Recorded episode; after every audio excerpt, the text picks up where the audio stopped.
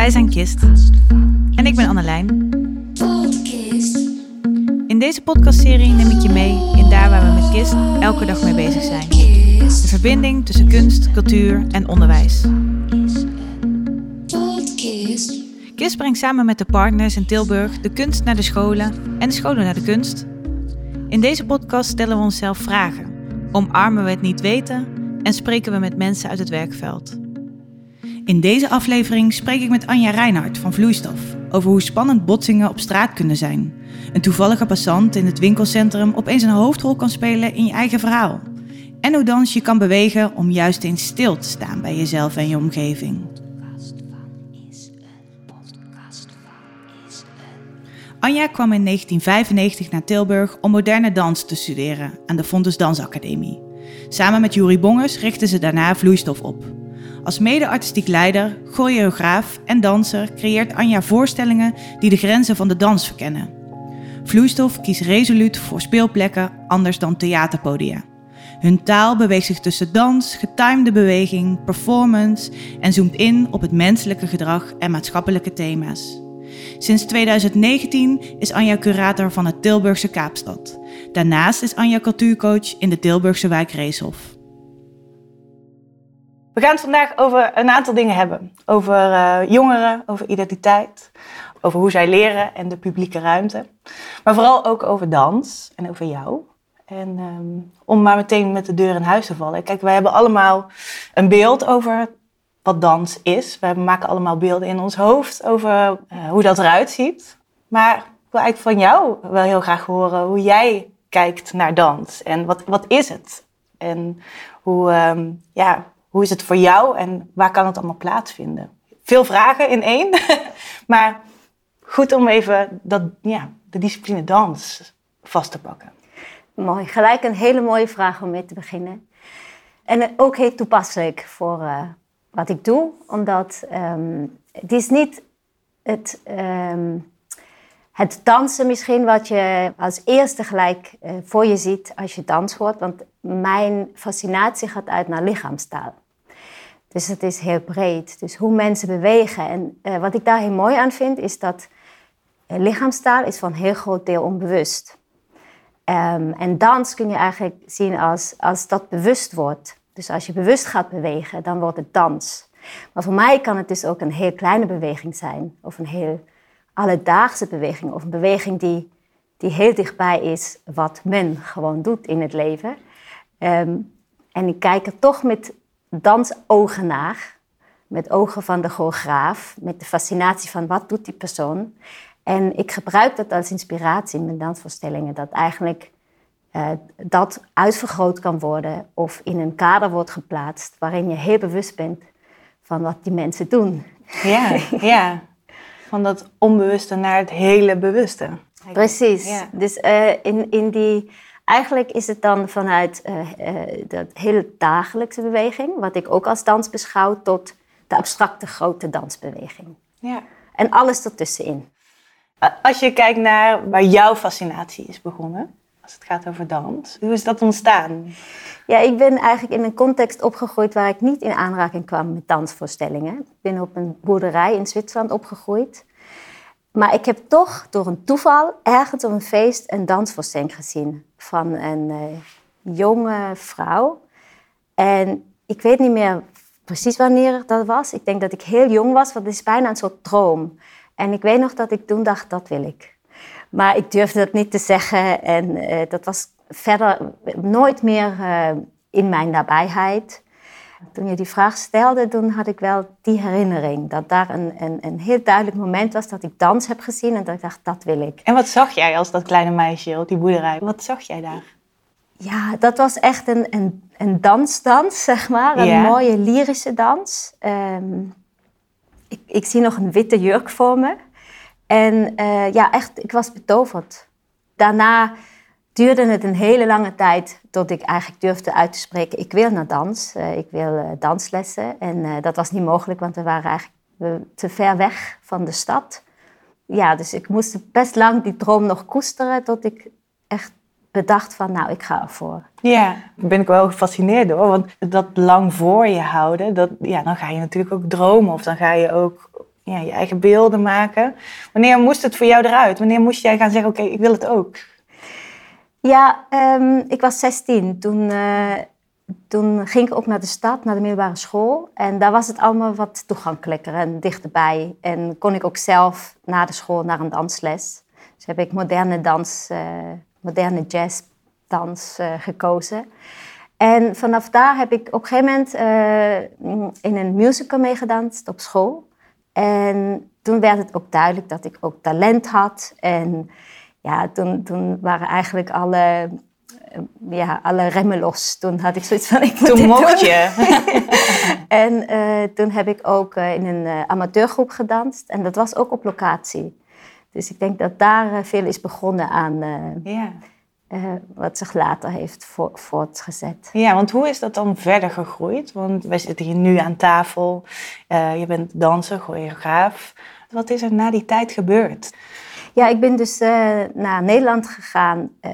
Ook omdat Nederland een heel goed land was voor dans. was echt in de jaren negentig nog echt zo um, een, epicentrum voor dat echt. Um, ja, het was veel subsidie voor dans en moderne dans was ook ver eigenlijk in ontwikkeling. Um, ja, ik heb gekozen voor Nederland en ook in Tilburg dan aangenomen aan de academie. En toen ik klaar was met de academie, had ik al gelijk zoiets van: ik wil zelf dans maken en ik wil vooral de bubbel doorbreken van het danswereldje. Want ik merkte gewoon dat in voorstellingen waar ik zat, dat het te ver naar binnen was gericht van uh, waar het over ging. Ik, had, ik wilde andere gesprekken voeren eigenlijk. Ik was veel meer geïnteresseerd in uh, maatschappelijke impact en ook hoe ik als kunstenaar midden in de maatschappij kan staan.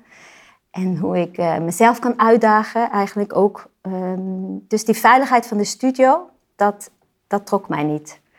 Mij afzonderen en iets bedenken, dat, nee, dat was niet... Dat is niet jouw vorm? Nee. nee. Ik heb uh, samen met Jurie Bongers heb ik vloeistof opgericht.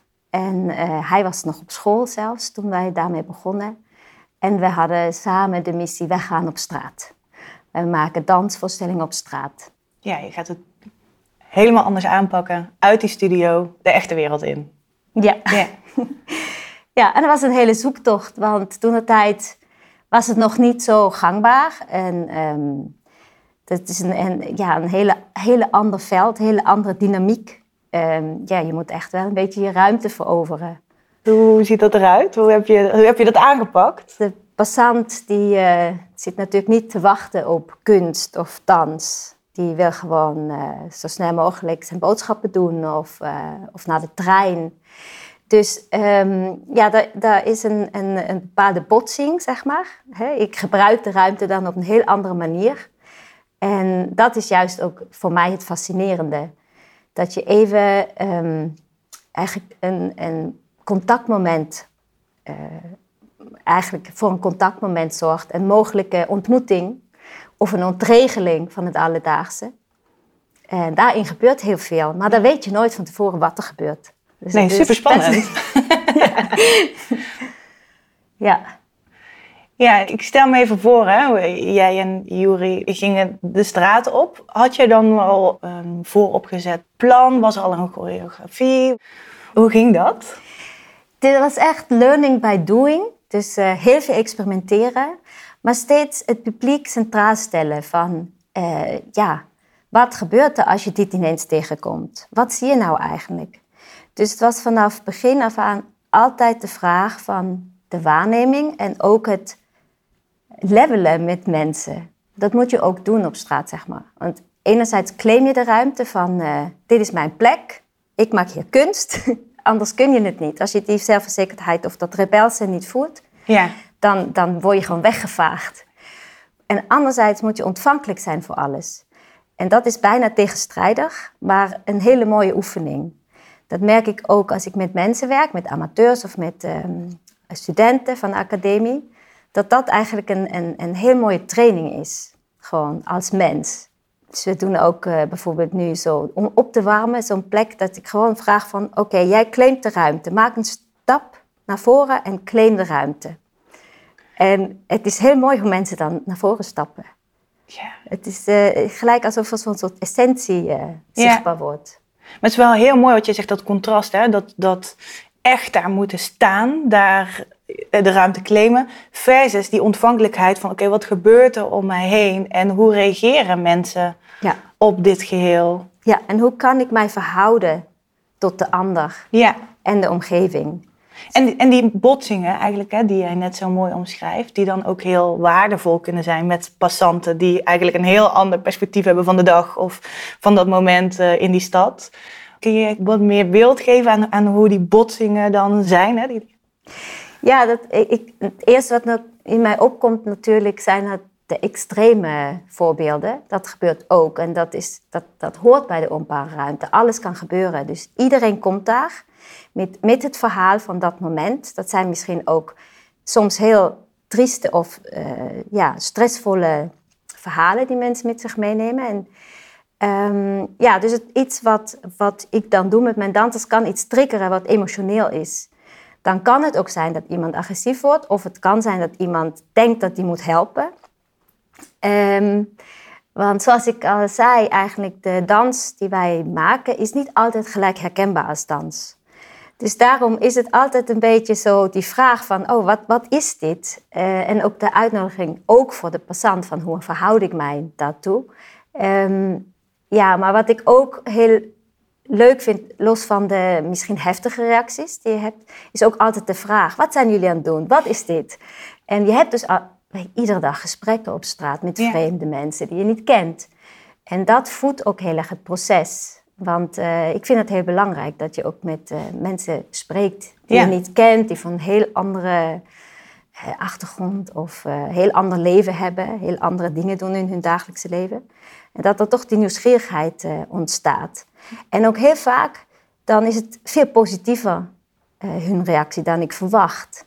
Dus ik, ik, ik weet nog dat wij gingen repeteren voor hersenvakantie. Dat is een voorstelling waar de mensen over de grond bewegen. Dus rollend, in slow motion over de grond. En ik dacht, oh, dat zijn ze heel kwetsbaar en dat zal wel vast wel ook eh, agressie op, eh, opwekken. Maar dat was, tegen, dat was echt het tegengestelde wat er gebeurde. Heel veel compassie. En eh, ik weet nog dat we aan het oefenen waren. En er waren hangjongeren, die waren daar bezig. Het was eigenlijk een heel mooi gezicht, die abstracte dansbeweging. En die hangjongeren die blikjes schopten. En, Twee compleet verschillende werelden eigenlijk. Ja, Ja, precies. Op één plek. Ja, en ik dacht, die zijn heel onverschillig of die vinden het gewoon stom. Maar eh daar kwam maar één jongen naar me toe en die ging het gesprek beginnen en wilde het weten wat dat is. En, ehm, en eh, die wilde ook weten wanneer we speelden. Zo van, ja, ik, eh, ik, ik wil dat wel zien. Dus Daar ontstond eigenlijk een ontmoeting, een hele onverwachte ontmoeting. ja, En hij is eigenlijk overgestoken naar jullie. Hij is nieuwsgierig geweest. Hij is de drempel overgegaan om te zeggen, hé, hey, maar wat, wat is dit? Ja, en het, het is ook mooi, want kijk, ik, heb, ik maak voorstellingen waarin bijvoorbeeld, die gaan over vooroordelen eh, over elkaar op straat. Maar ik heb nu in dat geval, in dat voorbeeld, ook een vooroordeel gehad. Ik dacht, oh ja, die jongeren vinden dat vast zo of zo, maar het bleek heel anders te zijn. Ja. Dus eh, ja, dus, dus ook voor mij is het steeds eh, een leerproces. Jij maakt eigenlijk al ook ehm, een mooie koppeling na- naar jongeren. Eh, vandaag gaan we het ook hebben over, over die jongeren. Dus hoe kan dans eigenlijk een trigger zijn om jongeren meer te laten kijken naar zichzelf, de ander en hun omgeving? Een grote vraag. Hoe reageren jongeren op jullie in de openbare ruimte? Ja, wat eh, mooi is, is dat ze worden een beetje overrompeld, omdat ze hebben natuurlijk ook een soort idee over dans. Hè, dus dan eh, kom ik op een school met een voorstelling en dan eh, hebben ze zoiets oh, iets met dans doen. en uiteindelijk maken ze iets mee wat hun echt eventjes in de war schopt van, oh, wat heb ik nu meegemaakt? Wat is dit? Oh, is dit dans? Ehm, en dat is eigenlijk een, een, dat is heel mooi, dat dat op deze manier gebeurt. Ze worden eigenlijk gewoon verleid, in feite. Ja, Ehm, zonder dat ze het doorhebben. En wat ik merk is dat, eh, dat van mij, ik heb heel veel affiniteit met de leeftijd, met, met, met de, het zijn of de toestand van de jongeren, omdat, omdat zij ook veel vragen hebben. En ook omdat zij bezig zijn met wie ben ik wat doe ik hier? En ja, dat is eigenlijk ook wat ik juist in de voorstellingen heel graag wil triggeren. Um, en in, in, op die leeftijd ja, is dat zo, die binnenwereld en die buitenwereld, het zijn zo twee verschillende dingen. Um, waarin heel veel gebeurt. En eh, we zijn nu bezig met uh, een tour van Straatwereld, een voorstelling die op scholen speelt ook. En uh, ja, daarin kan ik dat heel mooi ook toetsen. Dan kan ik kijken van hoe, inderdaad precies wat je, wat je zegt, hoe reageren ze eigenlijk daarop? Hoe werkt het eigenlijk? Ja. Je hebt dan ook te maken met groepsproces. Je hebt uh, te maken met hè, het masker van uh, ik laat me niet kennen. En ja, ik ben ondertussen best wel goed in het lezen van lichaamstaal. Mm -hmm. En dan, ik ben DJ in de voorstelling, dus ik, uh, ik ben heel dichtbij ze. En ik kan echt zo even zo spieken van wat gebeurt er in het gezicht? Yeah. Hoe reageren ze op? Um, dat is bijvoorbeeld in het begin, ze hebben dus koptelefoons op. Ja, want neem ons even ja. mee inderdaad. Je, je komt dan op een, op een school, is dat zo? Je wordt gevraagd van, hey, kunnen jullie, um, kunnen jullie bij ons op school komen? Hoe, hoe gaat zo'n proces? Ja, precies. Ja, uh, eerst moet het ingepland worden in het rooster van de school. Dat is al een, een, uh, een proces. Maar um, dan is het zo dat we eigenlijk drie keer kunnen spelen op een dag. We hebben 30 leerlingen die we mee kunnen nemen met, uh, met koptelefoons. En um, we hebben gemerkt dat scholen uh, vaak in, uh, niet in het centrum van de stad zijn, maar dat er wel vaak winkelcentra in de buurt zijn. Oh ja. En dat zijn ja, best lelijke plekken. Maar door de voorstelling en de muziek en de voice-over en de dans wordt dat eigenlijk ineens een heel poëtische plek. Hmm. En dan zijn die mensen met de rollator en, en de hondjes en de, de duiven en de winkelwagentjes. En alles ja, wordt onderdeel van de voorstelling. We gaan dus dan op expeditie. Dan lopen ze vanaf de school met muziek naar het winkelcentrum. En dan krijgen ze ook voice-over. Dus um, ja, net als in een film worden, dan, uh, worden er vragen gesteld. En, en die dan precies passen bij de omgeving of de, de passanten en wie er langskomt. Kun je ons eens meenemen in wat ja. voor vragen? Er, ja, dus uh, bijvoorbeeld iemand hier heeft een telefoon in zijn hand. Dus dat is zo'n een vraag uh, waar ze dan gelijk gaan zoeken. Wie is dat? Wie is dat? En dan zien ze altijd iemand, want iemand heeft altijd iemand heeft een telefoon. Die telefoons zijn nou eenmaal aanwezig. Dus dan wordt deze persoon de hoofdpersoon voor okay. dat moment. Ja. Maar er zijn ook zinnen van iemand hier is illegaal.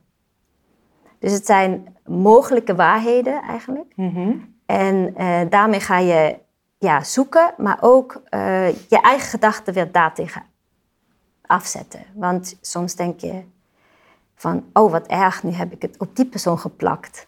Ja. Uh, waarom ja. eigenlijk? Um, ja, dus of, of iemand hier heeft vijf dagen niet gedoucht. Of iemand hier is besmettelijk. Uh, dus ja, het is, uh, het is altijd uh, de, eigenlijk ook de vraag van hoe denk ik zelf? Eigenlijk meteen ook weer een, ja, eigenlijk reflectie op jezelf. Ja. ja. En vrij in het begin van de voorstelling komt er ook een tekst. Als ze dan zo lekker zo naar die passanten aan het kijken zijn, dan komt er een tekst van... sta je goed? Heb je meer gewicht op je linker of op je rechtervoet? Ben je blij met het weer vandaag? Voel je de wind op je wang? Dus dan wordt die aandacht naar het lichaam en het zintuigelijke ge, uh, geleid. En dan merk je ook dat ze ook ineens heel anders gaan kijken. En dan zijn ze echt, hun en hun lichaam is dan eigenlijk uh, ineens onderwerp. En ja, dus dat, dat vind ik belangrijk. Dus dat niet alleen maar naar buiten en het projecteren, maar ook het waarnemen van jezelf en je eigen positie eigenlijk. Ja, die wisselwerking de... moet er altijd zijn. Ja. ja moet ook altijd ook nog ja, terugkomen weer bij, bij jou. Bij, Ja. wie, ben jij? Waar sta je voor? Ja, dat vind ik wel, wel belangrijk, dat je ook naar binnen kan kijken. Dus niet alleen maar uh, de buitenwereld. En ik denk vooral ook voor, voor pubers of jongeren, de buitenwereld is heel erg aanwezig. De, de, ook de vraag van wat je allemaal moet doen, wat je allemaal moet kunnen, waar je aan moet voldoen. En ja, en eigenlijk uh, die binnenwereld die, die is, die is heel sterk. En durf je daar ook, ehm, eh, durf je dat te delen bijvoorbeeld? Durf je dingen te laten zien? Ja. Maar ook door ze weer terug te leiden naar hun eigen lijf, Mhm. komen die kleine bewegingen, die dagelijkse bewegingen, komen natuurlijk ook weer heel erg op de voorgrond te liggen. Hoe reageren ze daarop? Zijn ze eh, dan bewust van hun eigen lijf? Of hoe, ehm, hoe- Ja. wat zie jij gebeuren? Ja, we hebben net ehm, twee dagen geleden hebben we eh, de voorstelling ook gespeeld. En eh, heb ik ook gemerkt bij het laatste deel van de voorstelling, dan gaan de dansers echt naar hun toe en komt er een melancholische muziek. En worden al die zinnen die eerst naar buiten zijn gericht, eh, van iemand hier is minder stoer dan die lijkt. Of iemand hier heeft een geheime liefde. En dan merk je dat ze heel erg reageren. En het is heel mooi juist bij hun om te zien, omdat ze natuurlijk ook stoer willen zijn. Ja. Dat vind ik altijd wel, dat zeggen de dansers dan ook, dat het een heel ontroerend moment is eigenlijk. Dat moment van contact maken en, eh, en die zinnen eigenlijk ineens, ehm, dat, dat je merkt dat het iets met ze doet. Dat het een beetje ongemakkelijk is. En, ja, eh, ja. En waar kijken zij dan naar tijdens zo'n moment, als, als die vragen opgevuurd worden? Want de dansers zijn natuurlijk ook in die openbare ruimte. Zij zijn één eigenlijk, toch? Die groep, die ja, groep is... die, dat is zeg maar, op dat moment is het moment, dat, dat is de scène contact maken, dat de dansers met z'n allen naar de jongeren lopen. Heel langzaam, stap voor stap. En eh, die toenadering, in die toenadering gebeuren dus die, eh, die zinnen, tot ze in de groep gaan. En dan gaan ze bij de laatste zin, iemand hier is liever niet alleen, gaan ze gewoon in de groep staan. Dus dat is, dat is een moment en dan is er echt wel contact. Dan merk je ook, en dat zeggen ze na de hand in het gesprek ook, van, eh, dat dat heel confronterend is. Ja, ik kan me Ja, voorstellen. Ja. ja. Prachtig. Prachtig omdat die jongeren zo op zo'n moment, op zo'n plek ook mee te laten maken. En zo'n nagesprek, doe je dat altijd? Ja, dat doen we eigenlijk altijd. En dan eh, gaat het enerzijds over die vooroordelen en hoe we met elkaar omgaan of naar elkaar kijken. Maar het gaat dan ook vaak natuurlijk over van wat is dans? En ze willen veel weten ook over van ja, hoe oefen je dit? Hoe durven jullie dit? En ze leren ook dat hè, de muziek is gemaakt voor de dansvoorstelling. Dus het is een componist die die muziek maakt. Eh, ze leren hoe, hoeveel werk het is Ja. en wat er allemaal bij komt kijken. Ze leren dat de danscommunity heel internationaal is, want er is iemand uit Italië, uit Colombia. Ik kom uit Zwitserland. Dus ja, ze leren eigenlijk heel veel ook nog eromheen Ja. over kunst. Ja, je hebt ze echt laten zien dat dans anders is dan de dansvoorstelling die je in het theater of in de schouwburg ziet. Je hebt echt laten zien dat dat onderdeel kan zijn van je leven, hè? van het leven. Ja, En van de maatschappij. En, ja. We hebben in, in Brussel gespeeld voor een wat jongere doelgroep. Die waren eh, de, de laatste eh, groep 8 van de basisschool. En daar hebben dus al die kinderen op het eind meegedanst. Omdat die hebben nog een andere leeftijd. Dat was ook wel heel interessant om te zien, dat grote verschil. Voor die jongere kinderen ging het helemaal niet over vooroordelen. Die hebben dat nog niet, dat probleem. Nee, nee. Die, Maar staan ook, eh, die oogkleppen staan nog eh, wagenwijd open. Die, Precies. ja, hebben- En, op, en die vraag van waar ging de voorstelling over? Bij de jongere kinderen was het ook over liefde. Over dat we altijd met elkaar moeten spelen. Over de natuur. Over het anders zijn. En ja, het is heel, heel, heel mooi dat je, je ziet gewoon dat er nog een heel andere mindset is. ja. En eh, bij de jongeren gaat het dus heel erg over van, eh, het gaat inderdaad over eh, anders zijn, over ehm, hoe mensen hun gevoelens ook verstoppen. Dat soort dingen komen dan terug van ehm, de binnenwereld, de verborgen, de geheimen. ja. Ja, en, ehm, en het, het laatste stuk, dan gaan we een lekker muziekje aanzetten. En gaan ze achter één danser door, die, door het winkelcentrum en door de stad. En dan bij de jongeren is het ook heel vaak zo dat er één of twee ineens meedoen. En het is, ons niet, het is niet de bedoeling om, om te zeggen, jullie moeten meedoen. Het is gewoon een uitnodiging. Maar eh, ik vind het wel heel tof dat dat wel gebeurt. Dat ook jongeren zo in zo'n groep zich gewoon durven te uiten. Ja, er is iets En dan- opengebroken. Ze Ja. voelen zich veilig Ja. bij jullie ook om, om mee te Ja. gaan. Dat vind ik ook altijd wel ontroerend om te zien. Dat we dan ook een individu durven te zijn. Dus niet als groep, maar gewoon als individu. Ja, los te Ik breken. dans mee met de danseres. En ik doe dit. Om de lantaarnpaal heen. Oh, prachtig. Ja. Een ander project waar jij mij eh, al eerder over vertelde, is het project wat jij in eh, Genève onlangs hebt uitgevoerd. Kun jij eens ons iets meer vertellen over, eh, over dat stuk? Ja, dat is de voorstelling Rarely by Chance. En dat was een internationale co-creatie met Joseph Trefeli uit Genève. En het was uiteindelijk eh, een heel lang creatieproces, omdat de pandemie ertussen kwam. Ehm, dus we hebben eh, in het begin van de pandemie hebben we het, eh, eh, de eerste fase gehad, het bedenken van de voorstelling. En de voorstelling gaat over de bubbelmaatschappij, over het, ja, het rare fenomeen, zeg maar, dat wij denken dat internet ons toegang geeft tot de hele wereld, door alle informatie. En dat we ondertussen eigenlijk heel erg gekanaliseerd worden, dat de informatie heel beperkt en heel erg eh, vernauwend, zeg maar, wordt voorgeschoteld. En dat we eigenlijk dat hele proces, ja, we weten het wel, maar het is ook een heel verborgen proces. Dus we hadden zoiets van, hoe, hoe zou het zijn als we eigenlijk dit in een theater doen? Waarin mensen fysiek aanwezig zijn en ook zien dat zij dus in een andere bubbel worden geplaatst en een andere voorstelling voorgeschoteld krijgen.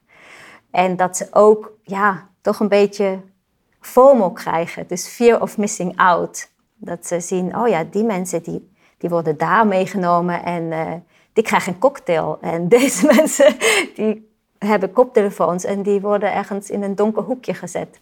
Ja, dus eh, op die manier eh, ga je eigenlijk door het theatergebouw, door foyer en de, de kelder en de kleedkamers en de bar en alle andere ruimtes van het theater waar je normaal niet komt. De techniekruimte en, ehm, en kom je op het eind, kom je samen in de zaal. Dus alle bubbels komen dan samen voor het eh, slotstuk in de zaal. Maar die hebben natuurlijk een heel andere bagage ja, die verschillende fases in het creëren daarvan. eh, omdat de corona kwam, was het ook heel erg de vraag van hoe kunnen we internationaal nog samenwerken? Hoe kunnen we nog een productie doen ehm, terwijl er lockdowns zijn en wij niet kunnen reizen? Dus we hebben ook online gewerkt, we hebben elkaar opdrachten gegeven en ehm, er waren vier mensen, vier kunstenaars betrokken eh, in het creatieproces. En eh, de, de tweede fase was een, een, eh, ons opsluiten in een theater tijdens een lockdown. Dus we kregen residenties in Zwitserland, dat een theater ons de sleutel gaf en zei van jullie mogen hier gewoon een week Zijn. zijn, alles doen, experimenteren, alle ruimtes gebruiken. Ja, want er was toch niks. Dus dat was ook wel een heel mooie ja, omdenken van hoe kun je nu gebruik maken van deze situatie. Ja. Het heeft ons heel erg, juist heel erg eh, geholpen in het eh, maakproces. En daarna, eh, de laatste fase, was dat wij in residentie gingen in de middelbare school in Genève. En, en dat was twee weken lang. Mochten wij gewoon de aula gebruiken, dus de, het theater. Ze hadden een hele ingericht theater in die school, dus best wel luxe. En ze zeiden van, ja, kom maar hier werken. Ja. En wij hebben voorgesteld, want dat was een grote wens van ons... om eh, in residentie in de middelbare school te zijn. En om juist met die leerlingen samen te creëren, dus hun als onderdeel van het maakproces eh, eh, ja, te zien. En, ehm, daar is een organisatie, net als KIST, dat is DIP in Genève. Ehm, en zij vonden dat een goed idee. Dus zij hebben ons daar in, de- in een school geplaatst die dat graag wilde. En wij waren vier mensen en we werden gewoon betaald als, ja, voor, voor een workshop van anderhalf uur iedere dag. Dus iedere dag kwam, eh, kwam er een klas met 30 leerlingen. En iedere dag kwam dus een andere klas, dus andere leerlingen naar ons toe. En hadden we anderhalf uur met hun. Oké, mooi. Gedeelde tijd, Ja, gedeelde gedeeld- ruimte.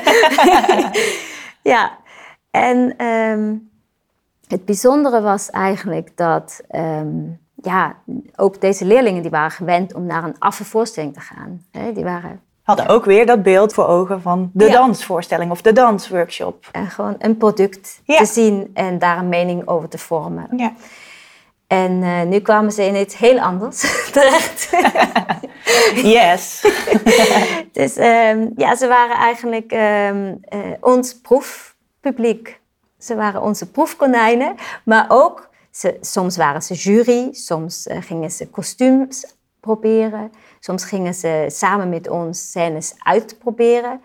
Ehm, nou, wij hadden hun echt nodig. En we kwamen ook bij de introductie uh, vertelden we ook gelijk, wij komen jullie niks leren, maar we gaan samen experimenteren.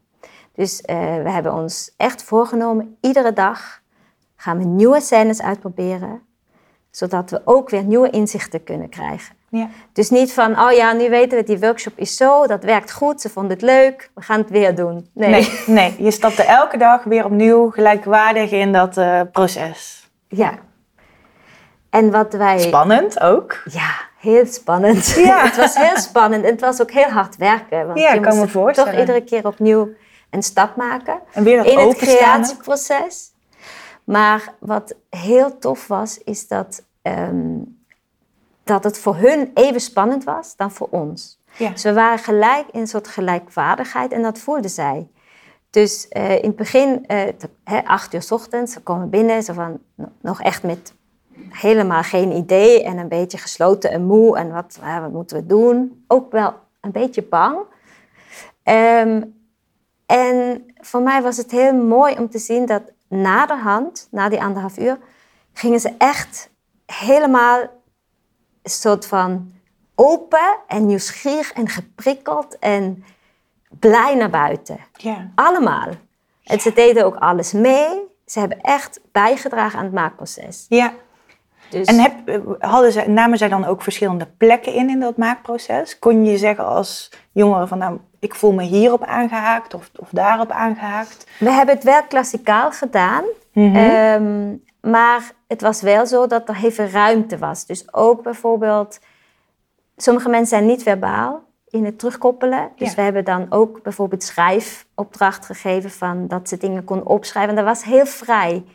Uh, sommige mensen die hebben echt uh, allemaal feedback opgeschreven, andere inspiraties, anderen hebben hun emoties opgeschreven die ze kregen. Dus we hebben daar heel veel ook juist van teruggekregen, van, uh, juist omdat ze dan het, het, konden opschrijven of in woorden probeerden te vatten ja. op papier. En hoe, hoe gaat het dan, hoe ga je samen bewegen op zo'n moment? Hoe, hoe ontstaat dat? Ja, wat ehm, ja, het was echt fascinerend, want ehm, die, die gelijkwaardigheid, die was, die was dus gelijk voelbaar. Dat zij voelden van, oh, oké, het is voor ons allemaal spannend en we gaan ons gewoon overgeven.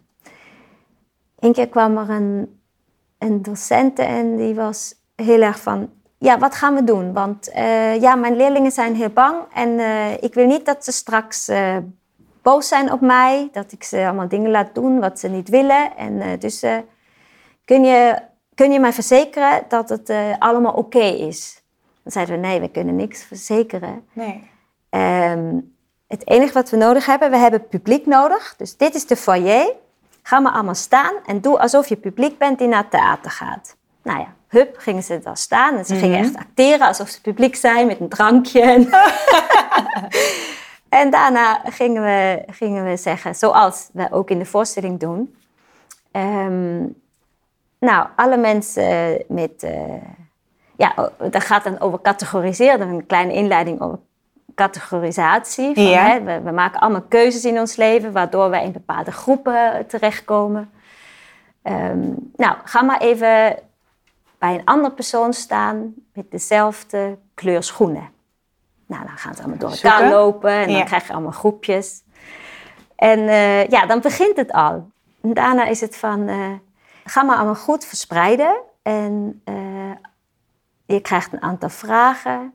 En als je antwoord ja is, dan stap je naar voren. Als het antwoord nee is, stap je naar achter. En als je het je niet aangaat, dan blijf je staan. Lust je chocolade? Nou, ja of nee? Dan heb je al beweging. Ja. En van daaruit uh, ja, zijn ze mee. Ja. En zijn ze geëngageerd en zijn ze bezig met, oh, is dat ja, is het nee? Oh, wat zegt de ander? Ja, en zo bouw je op. Ja. Ben je grappig? Ben je ooit de held geweest van een situatie?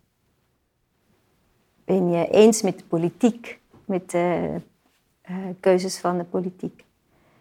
Ja, het is, uh, ja, je bent gewoon gelijk al bezig en voordat je het weet, dan, uh, dan zit, je, ja, zit je in het proces. En dat is het belangrijkste, vind ik, dat, dat, dat er een proces op gang komt. Precies, ja. En wat heeft het jullie gebracht om dit te doen met deze jongeren? Ja, ik, ik had echt uh, heel sterk. Ik ben, um, het heeft ons sowieso ge, geholpen in, de, in het maken van de voorstelling. Want zij hebben ook, we hebben dan bijvoorbeeld gevraagd, uh, die, die selectievragen van, uh, van de, het allereerste begin, dat je het publiek eigenlijk selecteert. Um, wat ik net vertelde met het naar voren en achterstappen um, wilden wij ook bijvoorbeeld dat zij vragen op gingen schrijven. Wat, is dan, wat zijn de dingen die jullie in groepen verdeelt? Mm Welke vragen? En zij hebben zo mooie vragen bedacht. Van ben je bang voor contact? Um, ja, gewoon heel... Ben je, weet je nog je eerste zoen? En ja, van, dus we hebben best wel veel vragen van hun in de voorstelling opgenomen. Oh, mooi. Mooi dat dat zo... Uh, ja, dan, dan, is het dus echt een gelijkwaardig... Het is echt een gelijkwaardig proces geweest. Het Nederlandse systeem zit soms zo in elkaar dat we heel erg denken in vakken en het moet uh, op dat moment gebeuren. Je hebt deze ervaringen gehad, die waren heel waardevol. Hoe kijk jij naar het kunstonderwijs? En wat zouden we van deze ervaring mee mogen nemen in dat stuk onderwijs? Ja, ja, dat is een hele goede vraag. Want voor mij was het gelijk een beetje een openbaring van, oh, dit, dit wil ik ook in Nederland. En um, het was trouwens ook voor hun best wel een unieke ervaring. Dat merk je aan de docenten, aan alle docenten die meegingen en aan de organisatie die het organiseerde en aan de directie van de school. Dat zij waren ook een beetje geprikkeld van, oh, wacht even, dit is nieuw, dit is anders. Hier kan meer mee. Um, maar ik had het heel sterk uh, dat, ik het, dat ik dacht van, oh ja, ja, dit, dit werkt en kunnen we dat niet, uh, kunnen we dat niet hier ook doen? Want um, je hebt gewoon ook een beetje echt die tijd nodig. Hè? Van, je hebt echt die, die tijd en ruimte nodig om iets te laten ontstaan. En um, ik, ben, ik, ben, ik leid zelf onder, ook als kunstenaar, onder dat productgerichte. Van steeds produceren en afleveren en verkopen. Terwijl die gedeelde ruimte en het samen ontdekken en het samen inderdaad nog niet weten, maar ondervinden, dat is zo, geeft zoveel voldoening en geeft zoveel leermomenten op alle niveaus. Dus ik had echt zoiets van, ja, om dit mogelijk te maken, ja, moeten we met z'n allen omdenken. Ja. En moeten we echt even die ruimte gewoon een beetje, toch wel een beetje voor vechten. Omdat ik merk, het schoolsysteem is toch nog vast in die oude systemen en structuren. En ik ben gewoon een beetje bang dat, dat de vaardigheden die eigenlijk nu en voor de toekomst van de jongeren eigenlijk uh, gevraagd worden, dat die nu niet ondersteund worden. Dat die nu eigenlijk niet uh, voorbereid worden. En ik denk, daarin heeft kunst en cultuur een heel grote rol. En sommigen weten dat al. Hè? Het, is het is ook wetenschappelijk, zeg maar, wordt het ook goed onderbouwd. Maar het is nog niet uh, in het systeem ingedaald. Ja. Dus er moet veel radicaler eigenlijk gekozen worden voor echt meer ruimte. Uh, voor, voor ja, dat gewoon bijvoorbeeld zo'n residentie van kunstenaars, dat die gewoon een school binnen kunnen. Twee weken daar hun werk kunnen doen en dat daar heel veel contactmomenten zijn. Ja. En het liefst ook misschien langer hè, dan anderhalf uur. Ja, precies. Dat, dat er echt nog meer ruimte is om samen in zo'n traject te stappen. Ja en te onderzoeken en te ontdekken. Ja. ja. Mooie wens. Sluit ik me helemaal bij aan. En ja. uh, lijkt me heel mooi om, uh, om echt wat meer ruimte op te gaan zoeken. En ja. om dat ook te faciliteren. Ook, want dat is natuurlijk ook een belangrijk onderdeel daarin. Ja. Um, dit onderwerp brengt me ook bij, bij een rol die jij ook hebt, naast jouw rol als, als danser en choreograaf. Ben jij ook cultuurcoach in Tilburg. Um, en daarin maak jij eigenlijk heel mooi van binnenschoolse cultuureducatie een verbinding naar uh, het buitenschoolse leren, hè, het, het, gewone leven. Ehm, kun, je, kun je eens vertellen wat jij um, doet en welke waarde dat, uh, dat heeft? Ja, ik ben heel dankbaar om dit werk te kunnen doen, omdat het juist ook echt zo'n indalen is in, voor mij dan, uh, als reizend dansgezelschap, die eigenlijk gewoon ja, ook naar andere landen reist. En uh, eigenlijk zo in mijn eigen stad en in de stadsdeel van de stad echt zo kan inzoomen van wat is hier eigenlijk aan cultuur en hoe is dat voor jongeren en hoe krijgen ze toegang en, en, en hoeveel ruimte heeft het in hun leven. ja, en dat is niet zoveel. Dus dan, dan ga ik natuurlijk helemaal aan van uh, dat, er meer, dat er meer kan. Ja, missie en, komt omhoog. um, uh, ja, ik ben dus in de racehof bezig. En dat is heel specifiek eigenlijk ook wat daar, wat daar gebeurt. Um, omdat de, ja, er is niet veel voor, voor de jongeren. En er zijn heel veel jongeren die daar wonen. Dus vooral de leeftijd voordat ze naar de stad kunnen fietsen, om, om, hun, om zelf te voorzien in hun behoeften, ja, zijn ze gewoon in die Phoenixwijk.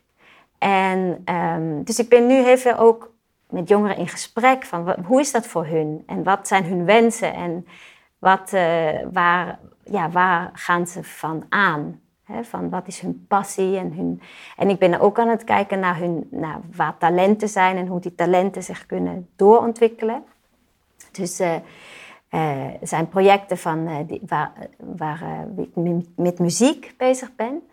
Um, en, en nu een nieuw project waar ik muurschildering ga maken. Dus dat, dat ik jongeren heb gezocht van um, de Racehof die graag willen meewerken aan een muurschildering. Samen met twee Tilburgse kunstenaars, Ivo van Leeuwen en Timothy Maler. En uh, ja, we hebben ook een hele mooie muur gevonden, maar nu zijn we in het proces van de toestemming om die muur ook daadwerkelijk te mogen gebruiken. Ja. Maar die, uh, die gesprekken met de jongeren die zijn heel mooi. Want ik, ik wat, merk... wat vertellen zij jou? Ja, dat uh, ik, vraag hen van waarom zou je een muurschildering willen doen? En je merkt die dat ze iets willen bijdragen. Dus dat ze, dat ze alle, deze jongens zijn ook echt gekozen, of zij hebben gekozen voor dat project. Hè. Dus dat is natuurlijk al, die zijn al best wel bewust of, of kunstzinnig bezig. Of hebben al een beetje dus van, nou, ik kan dat wel. Ja, of ik ga er in ieder geval op aan. ja, ja. precies. Ja.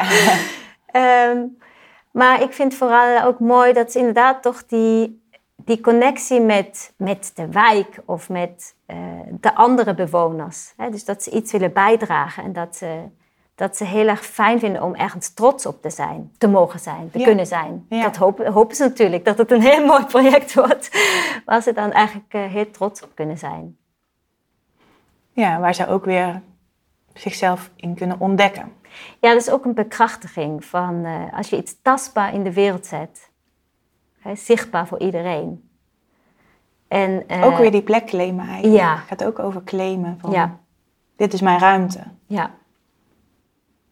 Dus dat, uh, dat, dat fysieke, daadwerkelijk iets doen, ja, dat vind ik heel belangrijk. En ook die, ja, die, die, die, het is toch een zintuigelijkheid. Als je in de openbare ruimte iets met beeldende kunst of met, uh, met dans of met welke discipline ook het is altijd een, uh, ja, je bent echt weer meer gewaar van, van de ruimte, maar ook van jezelf. Dat jij daar bent en dat waarneemt.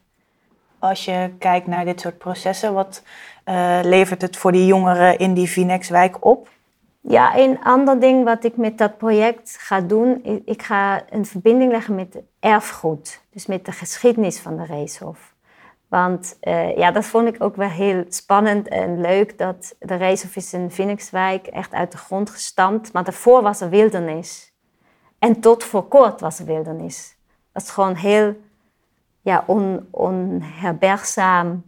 Uh, veel water. Um, uh, moeilijke omstandigheid om daar te leven. En, en ineens is het...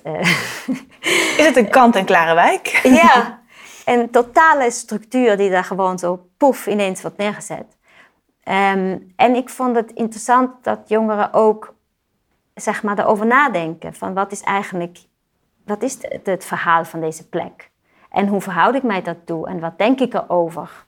En dat ze daar überhaupt over nadenken. Dat, ja, dat is natuurlijk misschien in een uh, pittoreske stad of zo heb je dat veel meer. Dat je, dat je steeds denkt, oh, waar, waar, waar komt dit gebouw of die kerk of, vandaan? Ja, daar liggen die vragen misschien iets meer op de voorgrond. Precies. Ja. Maar ik vond het juist interessant dat ze ook nadenken over, over uh, hun plek. Ja. Want dat maakt toch dat je meer verbinding aangaat. Het geeft, krijgt meer diepte als je, als je daarover nadenkt en dat weet. Ja. Misschien een mooie vraag, misschien al wel een beetje een afrondende vraag.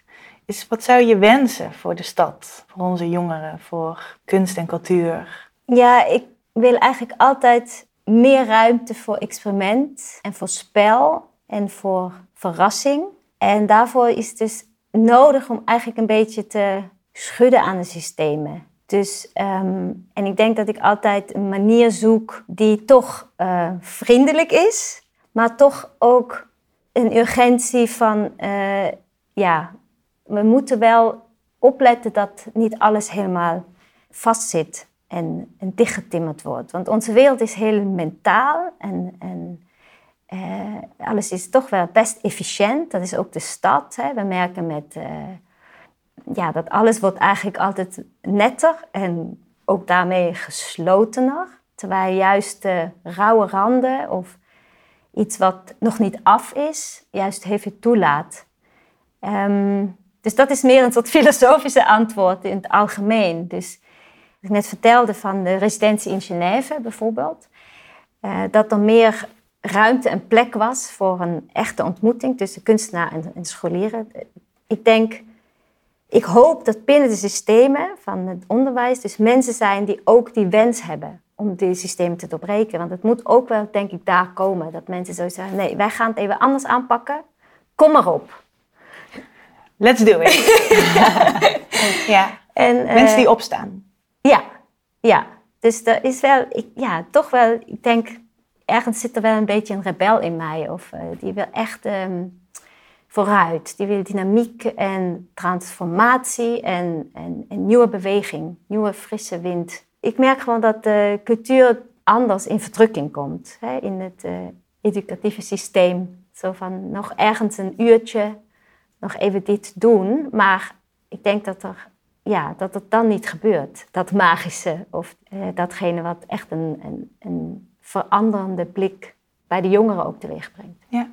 Ja, en ik ben dus uh, met de stad ook bezig in die zin, omdat ik curator ben bij Kaapstad samen met Sander van Bussel.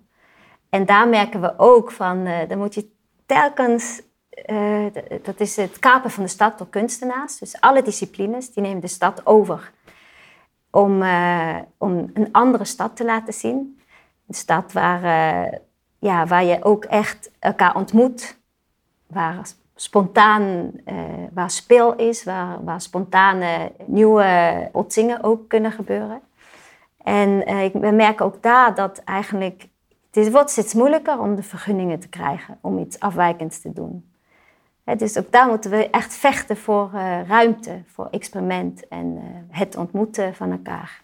Terwijl het zo belangrijk is, hè? dat het zo van waarde is om dat ook te laten gebeuren, die botsingen. Ja, ja het is eigenlijk, uh, voor mij is de stad een onderhandelingsruimte eigenlijk, waar je constant met elkaar in dialoog moet zijn, want anders dan, eh, dan werkt het niet.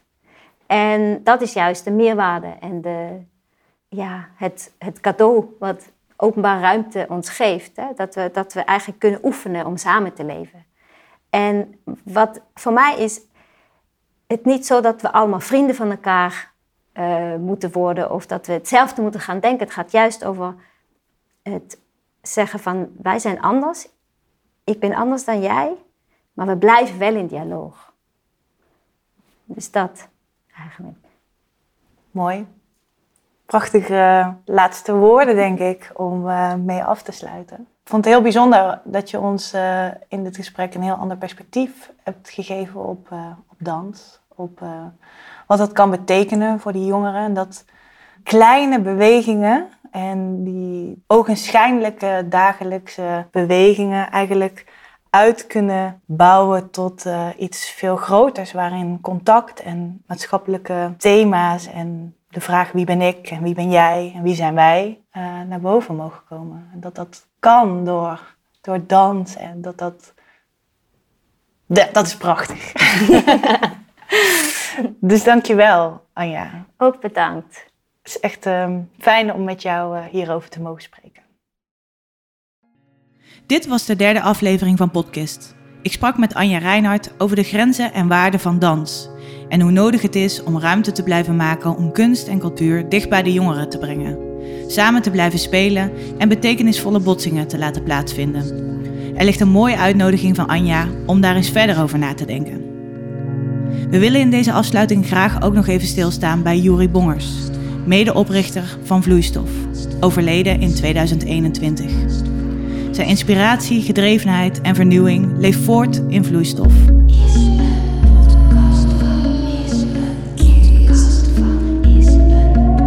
Podcast is een podcast van Kist. Dankjewel voor het luisteren. Wil je nog doorpraten over deze podcast? Of kunnen we met je meedenken? Vind ons online op de verschillende kanalen. Tot de volgende keer.